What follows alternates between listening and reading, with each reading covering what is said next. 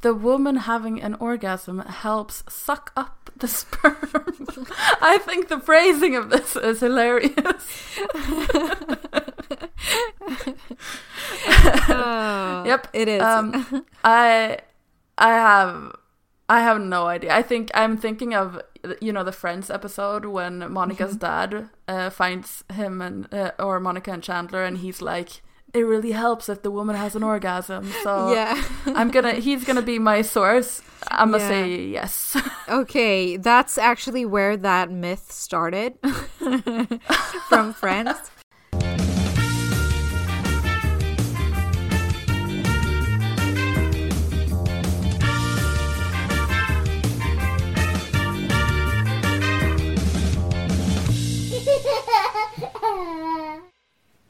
Hello and welcome to another episode of Prigopod. I'm so excited to be doing this episode. Um, it's featuring one of my favorite people in this world, Petra from Sweden, and um, we're discussing myths and truths about pregnancy, but also like getting pregnant. And this is a two part episode. So this is just the first part, and then next week you're gonna hear the next part. But without further ado, let's just jump into it, and um, I hope you enjoy. This is such a bad day for for me to be recording actually when I think about it because I this morning I met up with a few Swedish friends, and then I had uh, a house visit in in Dutch. And before calling you, I spoke with my mom in Urdu, and now I'm supposed to speak English. It's it's not working It's out very well. It's a it's it's a real challenge. I'm gonna let you do the talking. okay, welcome to my podcast, everyone. I think that's better. But what have you been up to lately? There's been a lot going on. Uh, actually, I well the the the thing that I am most proud of this week is I've completed um, uh, a translation that I've been pushing up for almost a year. Um, when I when I worked in in the, one of the hospitals, we noticed that there are a lot of Indian women coming in, giving birth, but they couldn't speak a word of Dutch. They um, they didn't understand, and communication was so difficult with them, and we had so much trouble uh, with those women. Um, and it's like a specific group of women. Like even if even when they're trying their best, sometimes communication just doesn't go the way that you want to. So the midwives in this uh, hospital or uh, in this uh, ward asked me to kind of translate a few a few sentences that they said. They they didn't tell me it was it was 10 pages. Oh, yes and you want to do it perfect so um so i've been doing this for i think the last six months um but i've been working really slowly and uh with a couple of translators to get the document really and it- it's been so much fun too. I don't want to say that it's all been bad and and really difficult. Um like for example there are some things that i just don't know how to translate into punjabi. So uh, like translating oh i'm gonna give you medication vaginally it was it was so difficult and yeah, then you really want to be able to communicate that before you do it. Exactly, exactly. Yes. You want to tell those women, I'm gonna go up your hoo ha, and so so I found out uh, the word for uterus. So I was like, um, we're gonna put this me- medication right if in front of your uterus or cervix. So you have to work like that, and also like, have you had any bloody discharge? um like asking that in a nice way in punjabi is like have you had any blood in your underwear or Ah. and often when they come in like that you're supposed to uh, be asking questions like oh have you had sex with um, with your partner and that was also like really difficult. So i actually spoke to this older punjabi wom- uh, woman um, that had a lot more experience um, with uh, yeah with the language and and the way that you're supposed to say things so that they also understand. So uh, basically in punjabi what you say when you talk about that you say have you been speaking to your husband Ooh. What do you say if you actually wonder if he, if they've been speaking to their husbands? I was, I was, I was actually uh, going to ask that question Yeah. myself. I was like, so what if it's someone like me? I'm gonna be like, yeah. So we speak daily, uh, about twelve Oh, yeah. or uh, thirteen times a day. A lot on the phone Like, every we day. really- yes, uh, we speak all the time. Yeah. We have great communication.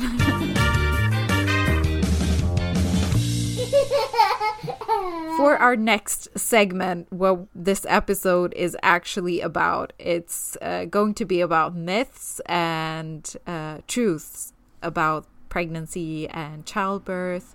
Um there are a lot of misconceptions uh, around this topic, and I feel like um, in every culture you have like certain sayings, and um we're just gonna sort those out. What is a myth and what is the truth? Great. I think I will. Uh, I won't know a lot of these. You, uh, we found some uh, really good ones. I feel like. So uh, they're divided up into different stages, right? Mm-hmm. So about getting pregnant, we have the first one. And the myth is if you don't get pregnant after a couple months of trying, something is wrong. Yes. So, what's your initial reaction? I think no, because I Mhm. know a lot of people have. They need to wait a long time before Yeah. they actually get pregnant, and that I've heard that the even if you know the stars align, you're as fertile as you can be. yeah. You have sex at, on the exactly right day and time. It's still not like a hundred percent you're gonna get pregnant. It's still quite a low percentage. I've heard. So I think it takes. I don't know. Maybe you can try a year, and if nothing happens by then, Exactly. You hit the nail on the head. That was Oh. exact the perfect answer. Um so but well the impression is since we were teenagers I've heard this that you need to use a condom or else you get STDs or you get pregnant and that's just the Yep. way it's going to be and um so that has really been something uh, and that's something that follows into adulthood that misconception okay that is true you can get pregnant but um uh, but it's not that easy. First of all like there's an egg and and a sperm that has to mesh perfectly. Uh we have is it 46 chromosomes?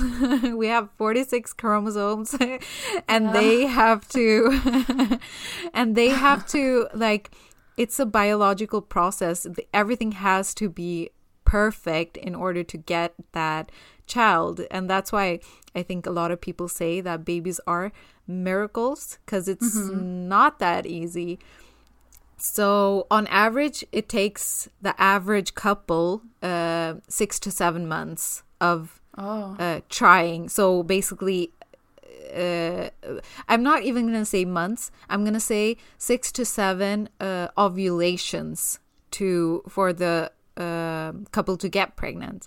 So if you don't get pregnant right away, it's not uh, the end of the world. It's not like you're infertile or subfertile.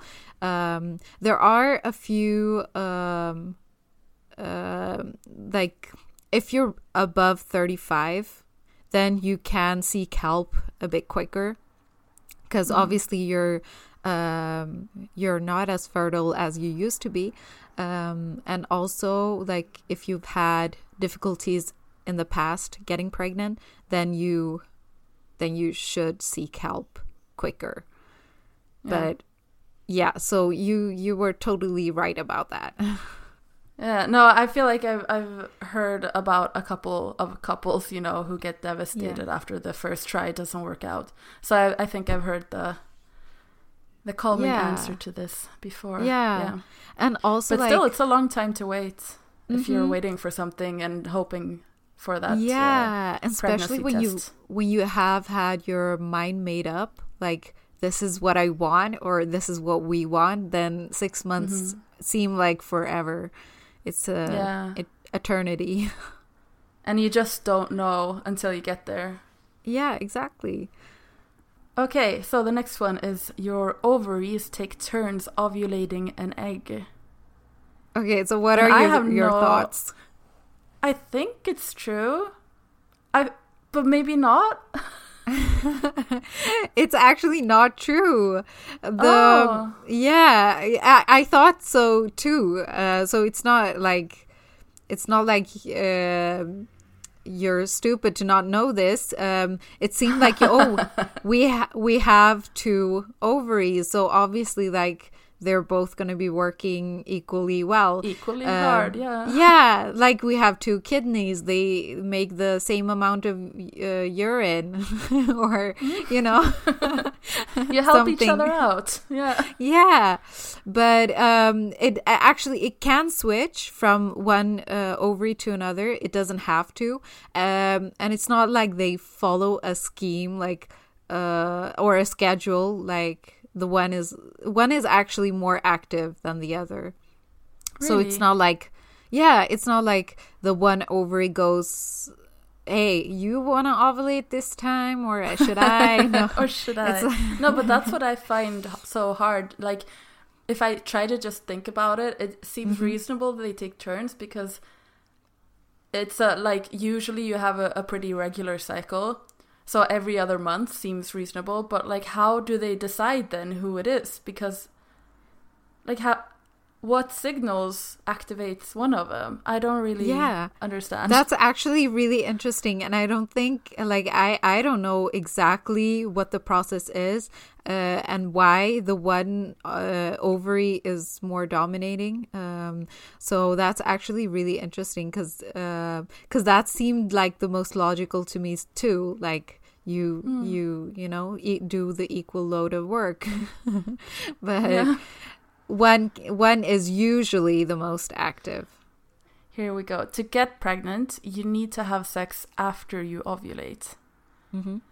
And I have I'm using the the natural cycles birth control yeah so it tells you when you're fertile also so mm-hmm. i think regarding this it's like the days leading up to it more than the days after is when you yeah. wanna go yeah. for it exactly yeah. so you don't want to get uh, pregnant at this time so you're using as a, a, as a birth control so yeah. um, you know that the days before ovulation are the most dangerous but if dangerous, you actually want yeah. yes but if you want to get pregnant you have to have sex before um, uh, before the ovulation because once you ovulate you have like a 12 to 24 hour uh, window um, and mm. after that the egg expires.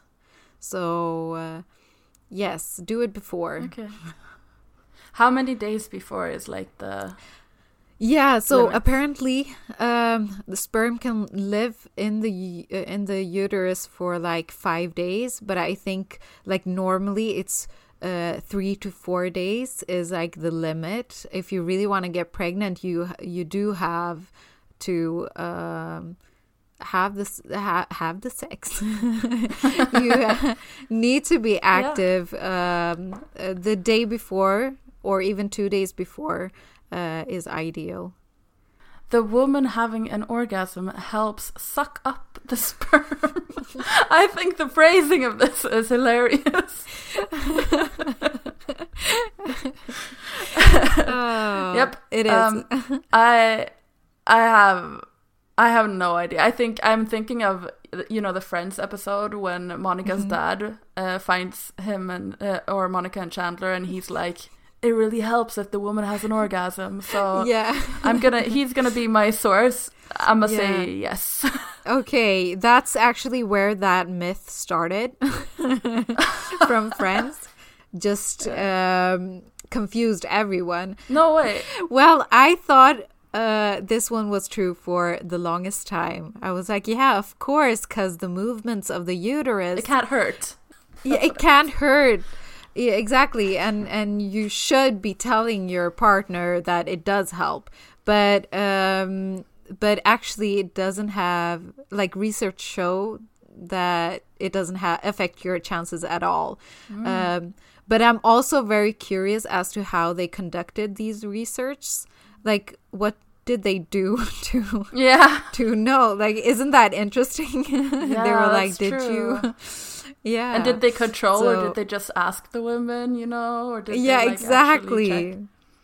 Yeah, did they like go in with cameras? And like when also did the woman yeah. If the woman comes before, has an orgasm like before or after the guy, does that also make a difference then? Hmm. Interesting. I mean, obviously it doesn't work yeah. at all. so it's very very interesting. I I um I would yeah. like to know how they uh, how they uh, came to know this. Uh, but uh, but yeah. um, as far as we know at this point, it's it's a myth. So the okay. uterus doesn't know. suck up the sperm. Okay, don't don't take your uh, your uh, tips from friends. Yes. you don't have yeah. to. Um, the next myth is uh, you should have sex every day or even twice a day to get pregnant faster. Mm-hmm. What do you think? Um, I'll say yes because, like, why why not? Why not? I mean, exactly double the chances it feels like reasonably but i don't i'm not sure. Yeah well basically every other day or just during your fertile days is more than enough. But uh, as you're saying like if you feel like it it like it can't harm uh, the process. It can uh, well there are a few people that say like oh the the man shouldn't be um should uh, like the sperm isn't produced in the same uh, uh, with the same quality and with the same amount so you shouldn't do it too much okay. i won't say it it increases your chances like twice a day you don't have to do that but you can like it's not gonna hmm. it's gonna not gonna help your chances okay lying in bed, preferably with your legs in the air, is going to increase your chances. Mm-hmm. I've heard this one. Mm-hmm. And the thing with all of these is I feel like I heard a lot of them when I was younger and I just yeah. haven't thought about it since yeah. then. But what I heard is it's true. But I'm I'm thinking I'm I'm gonna guess not just because it's on the list. yes, uh, yeah, a lot of these are myths. Well, this one, I I'm just gonna say what it is right now. You have guessed correctly. Correctly, it's a it's a myth, but um, so the the the research behind this is that the sperm always heads up north. Like whatever you do, it, it's gonna go up north. But um, uh, but obviously, like if you stand right away, you have like seminal fluid. Um, as a discharge. Uh, but so it does come back down. Uh, but the sperm doesn't. So you have the discharge of seminal fluid, but the sperm has already like directly it just heads up uh, up wow. the uterus. Yeah, but a fun fact: well, when I was working uh, in the IVF clinic, um, they always instructed the women to lay down for like 10 15 minutes before they um, uh, before they uh, went. And this is uh, when they're doing uh, insemination. So it's not like ivf treatment but it's it's just you go up with a syringe and you actually um, uh, release sperm into the uterus. Um, so and still they're like oh just lay down for 10, 10 15 minutes but i do think so i was like oh there has to be some logic in that but apparently I think it's more of like a mental relief that oh we've done everything that we can to ensure mm. that uh, she's gonna get pregnant. So okay, yeah, to feel in control. Yeah. and I think if that helps you, like putting your legs up in the air, why not? Like do that. Yeah. but research yeah. shows it it doesn't really matter. Doesn't matter. Just the placebo, yeah. maybe a relaxing. Yes, yes. Do the placebo. Mm. I like the placebo. um. Okay. The signs of ovulation are always obvious. Mm-hmm. I'll say no. Because I feel yeah. like this might change for a woman also over her lifetime. Like the symptoms change and yeah, that's very true. Um so yeah, exactly. The signs of ovulation are not always very obvious and not for everyone. But I feel like everyone can learn when they're fertile and um I feel like um if you want to get to know your body as a female, you have to kind of be yeah, you have like your natural without any hormones type of body. You can uh, really get to know um, where you are uh, in your cycle, like if you're ovulating or if you're in your luteal phase, um, through temperature charting or like seeing your cervical what do you call it mucus. Um and also like if you do ovulation prediction tests that's very obvious. So just get to know your body. There's no you can't go wrong with getting to know your body. Yeah. I feel like you might have some sign every month you know and you don't yeah. you don't connect the two. Yeah exactly. so your ovulation yeah, and before it was used to be so difficult charting everything, like especially on paper. But nowadays you have apps, and uh, you can really, really get to know your body and how it's working. You know. And I think it's quite healthy. It's good for everyone's health to know that. The next one is that age doesn't matter for men. Mm-hmm. And I think that this is not true. I think age matters, but way I mean way less than for women, obviously. But I mm-hmm. think that maybe like sperm gets more tired, sleepy, slow as the men really yeah. get up there in age. They're like, That's oh no, again, we have to do. We've been doing this for years. On. We're tired.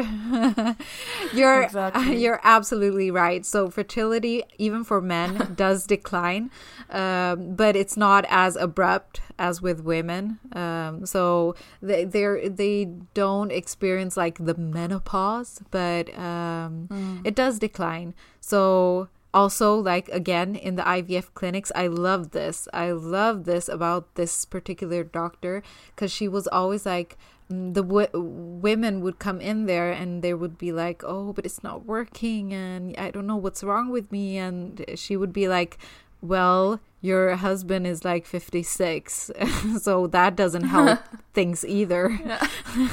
So she was like shift focus from the woman yeah. to the man. But uh, um yeah so it it does have an effect. Yeah. That's interesting. I feel like this is uh, this is something you also heard mm-hmm. your whole life. Yeah definitely. Okay. Um the next one is that there's a greater chance to conceive twins at 40 than at 30. And this is interesting because I've never heard this one. You've never heard this one? No, this one I've never heard. What's your initial and reaction? That it's not true. Mm-hmm. At 40 than at 30. Also because it's like the. Ah. No. I mean, if it's a natural uh, if you conceive naturally, I'd say no, it's not true. Well, you are more likely to release two eggs when you get older. Really? Yeah, and it, it's like it's very weird that that's how it works, but I think like the body's like, "Oh, we need we have all these eggs we need to like we want to go into menopause so they're just like okay let's just release two a Shoot month them so we get yeah. Yeah. exactly. So i think that's how it works but it is true. I, I don't I don't know exactly how it works or why women at 40 tend to ovulate two eggs instead of instead of one but I think that's yeah that's probably how it works The ovaries finally sync up. yeah they're like uh, okay we do it together then Yeah, they're finally friends. Yeah. So nice. Okay, next one is birth control causes infertility. hmm And I think this is not true because I feel like this I don't know.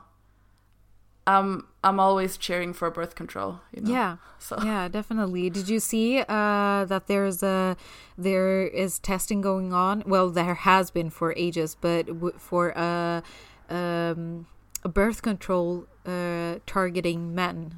Targeting? But specifically for men. yeah, for men, yeah. yeah. That's Mhm. so interesting. Um, and they're still testing like um trying to get guinea pigs but male guinea pigs to uh Yeah. uh, to try this out. That's really, really interesting. Well, I'm Yeah. just gonna throw this out there. This is completely false, but I see this in uh, in a lot of different cultures where women uh, refuse to use hormonal birth control because they're like, oh no, this is gonna mess up my whole system. Um, but there i- there has been extensive research on this topic, and it doesn't increase any risk of infertility. And once you stop mm-hmm. taking it, your body just goes back to normal. Yeah. Yeah, Swings back. yeah. So okay, That's it's good to hear. yeah, it's it's synthetic hormones, but it's still so similar to our own hormones. So they just increase that level just a little bit. But I do see this coming up a lot where mm-hmm. not only women but their husbands are really really concerned about how it's going to affect the future if they want if they're planning on having more kids. Yeah. Yeah, if you've heard it a lot, I, I understand why you find mm-hmm. you why you would find it scary because Yeah. it's a big loss, but Yeah. it is it is safe. It is safe. Yeah. Okay, so if you're a twin, you're more likely to conceive twins, and I think this is true. I feel like maybe there are two types of twin conceptions: one Mhm. that is genetic and one that is just uh, by uh, pure happening. You know. Exactly. Exactly. So, uh, yeah, this is exactly what you're saying. It's only for fraternal twins, so not identical twins, because that's pure chance. But um, if you are a twin, you have a genetic disposition to having twins. So this one is true. It's not, a but only for the for the fraternal one. Yeah, so the fraternal twins are basically two uh, separate eggs. So then basically the mus- mother has this gene of releasing two eggs. Um, And that's the gene that you could possibly have as well. And that's why you're more prone to or more likely to conceive twins. Wow, cool. Yeah. Yeah. Would you like to have twins? I would love to have twins. I I Yeah. I love the idea of having twins before I got pregnant. Like after Yeah, uh yeah. After my pregnancy, I was like, "Oh, this is really difficult." And um and then also like with this with uh, studying everything and all the risks that are um uh, associated with having twins i'm like oh i'm so happy i didn't have them. But i love Oh, i love uh, the look of twins after they're born. Yeah. Twins are super Yeah. cool, but I also feel they're like so cool. all all women going through pregnancy are like super women, but twin twin moms are also like wow, that's yeah impressive. exactly. Th- that's really impressive the myth is that I can't have a cat in the house when I'm pregnant. And I've heard some like variation of this. I think you can mm-hmm. have a mm-hmm. cat, but you're not supposed to clean out the cat box, is what I've heard. This is correct, Petra. You are Way. absolutely right. Woo! I, I have a cat, so I've, uh, I've yes. researched. Yes, exactly. No, you're absolutely right. So there is a parasite in the feces of um, of a cat um, that's called toxoplasmosis, um, and you uh, that's dangerous for the baby. So uh, you mm. preferably you ask your uh, partner to change the litter box. And or you're you're using gloves and washing your hands really like properly afterwards. So you have to be careful with that um because that can cause complications not with you but with with the developing baby. Mm. yeah yeah, that sounds pretty serious. Uh, that's interesting. I knew you you yeah. uh, couldn't do it, but I didn't really know why. So that's Yeah, and also like reassuring for people that do have cats, you don't have to get rid of your cat. You can keep it in the house. And there we go. That was the last myth uh, of this episode. But uh, as I said before, this is a two part series. Uh, so, in the next, we're going to discuss more things in pregnancy and childbirth. There are a lot of misconceptions to be discussed. So, stay tuned. Uh, but I'm going to wrap this up because. Um, yeah, time flies when you have fun with your bestie. I hope you enjoyed this one, and I'll see you in the next episode. Bye.